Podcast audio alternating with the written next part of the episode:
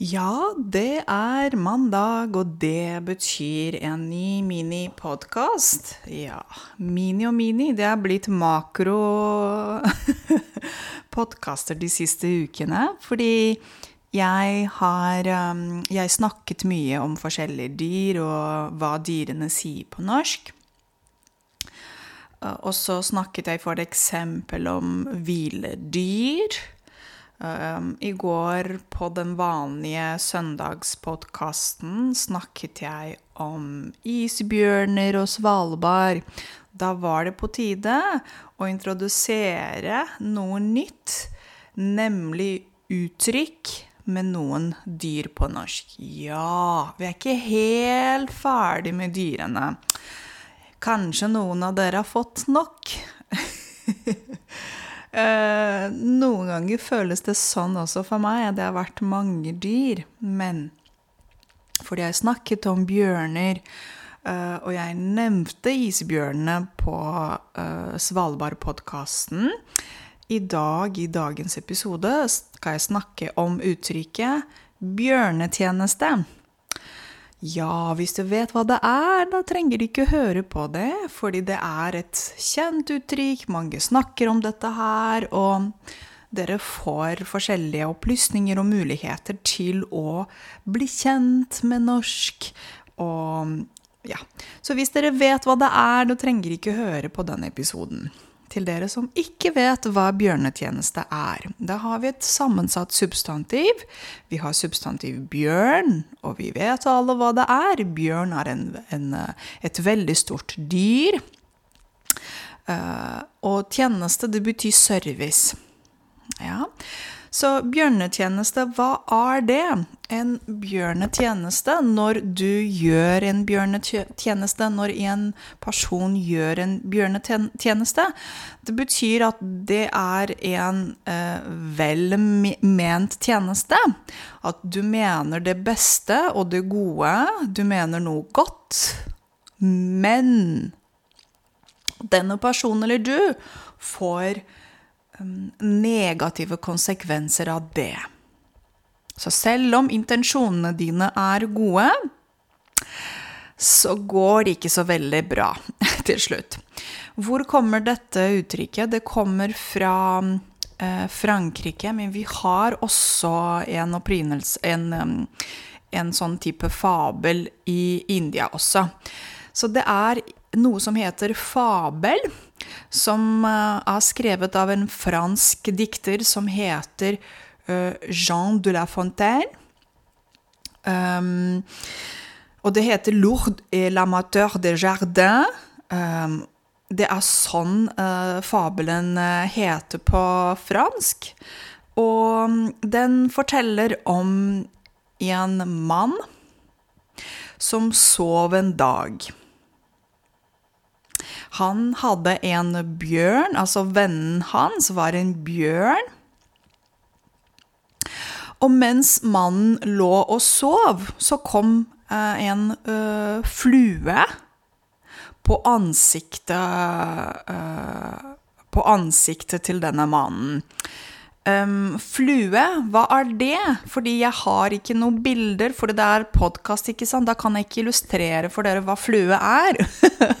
Men det jeg kan gjøre, er å imitere fluene. Ok, hold dere fast. Nå kommer fluene. Bzzz. Ok, da var det fluene som kan irritere oss, spesielt når det er veldig varmt ute. Og det er mange som um, slår fluene. Så kom denne fluen på ansiktet til mannen, og hva gjør bjørnen? Bjørnen vil hjelpe vennen sin. Bjørnen tar en stein, en stor stein, for å få bort fluen fra mannen. Ja, og hva skjer? Ja, det var ikke så veldig bra. Han bjørnen klarte å knuse hodet til den mannen, og mannen døde. Så ja, bjørnen me mente Ok, nå klarer jeg ikke å snakke ordentlig. bjørnen mente noe godt, men det gikk veldig dårlig, faktisk, fordi bjørnen klarte å drepe denne mannen. Så nei, det var ikke så veldig bra. Vi har en sånn fabel eh, i India også, som kommer fra Panchatantra. Og der er det en ape. Og det er samme situasjon i i Panchatantra også. Så um, Bjørnetjeneste, hvis vi går tilbake til den franske fabelen, bjørnetjeneste til dere som kan fransk, heter på fransk le pavé de lour. Ok? Da var det bjørnetjeneste. På svensk kaller det Hva kaller de det? Bjørntjenst, eller noe sånt. Ok.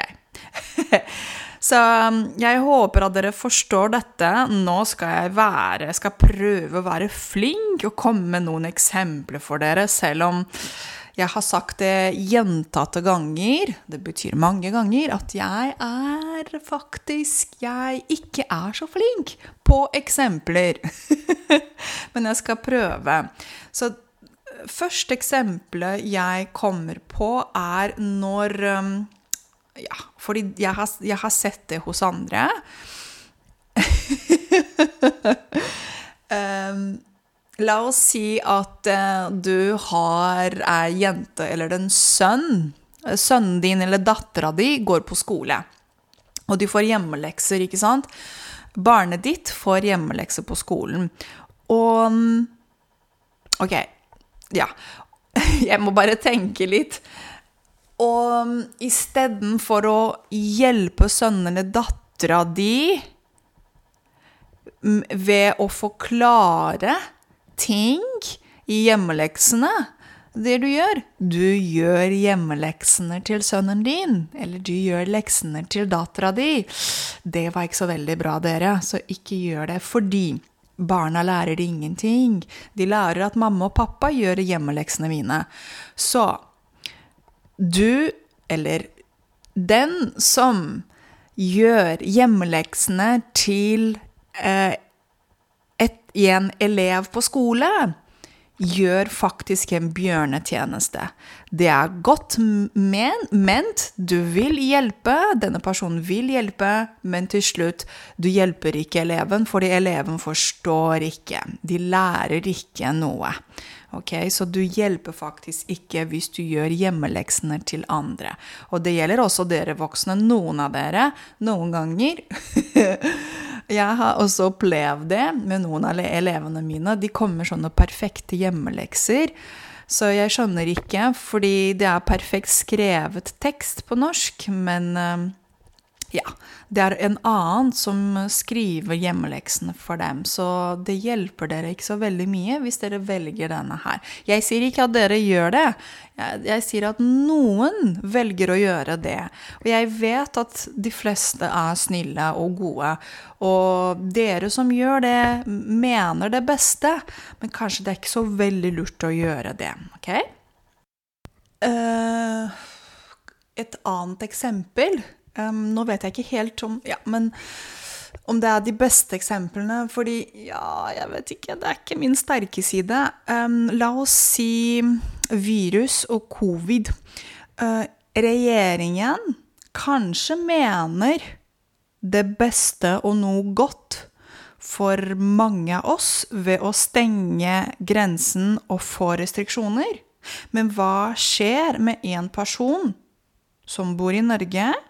Og mamma og pappa bor i et annet land, og f.eks. pappa er veldig syk, og pappa dør kanskje av sykdommen, og denne personen kan ikke reise fra Norge til hjemlandet sitt. Det er en bjørnetjeneste.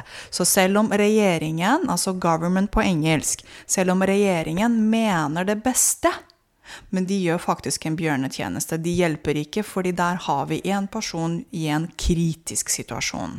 Så dessverre, jeg har selv sett elever som bor i Norge, men foreldrene er syke i hjemlandet. Så Unnskyld, det var ikke meningen at jeg skal gjøre det veldig vanskelig for dere som hører på meg, og som sitter i, i en sånn type situasjon. Det var ment bare som et eksempel på hva en bjørnetjeneste eh, er.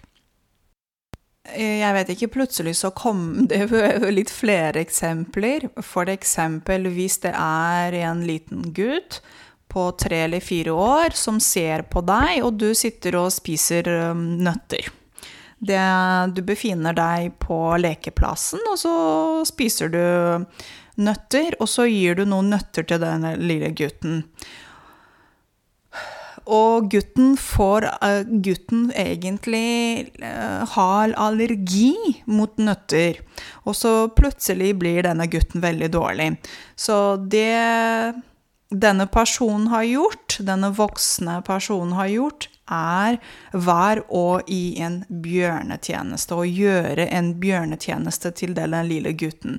For den lille gutten så på denne mannen, eller denne personen som spiste um, Som spiste, spiste uh, nøtter, eller hva det er, peanøtter osv. Og, så og uh, så tenkte denne personen å, kanskje denne lille gutten vil også spise peanøtter.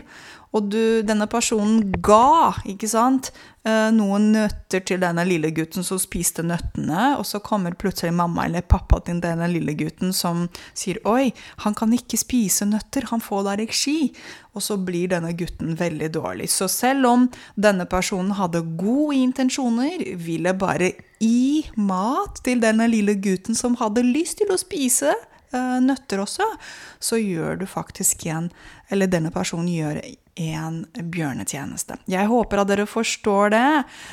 Ja. Jeg ønsker dere en fantastisk mandag og uke videre. Og vi høres i morgen på Mini-podkasten igjen. Ha det!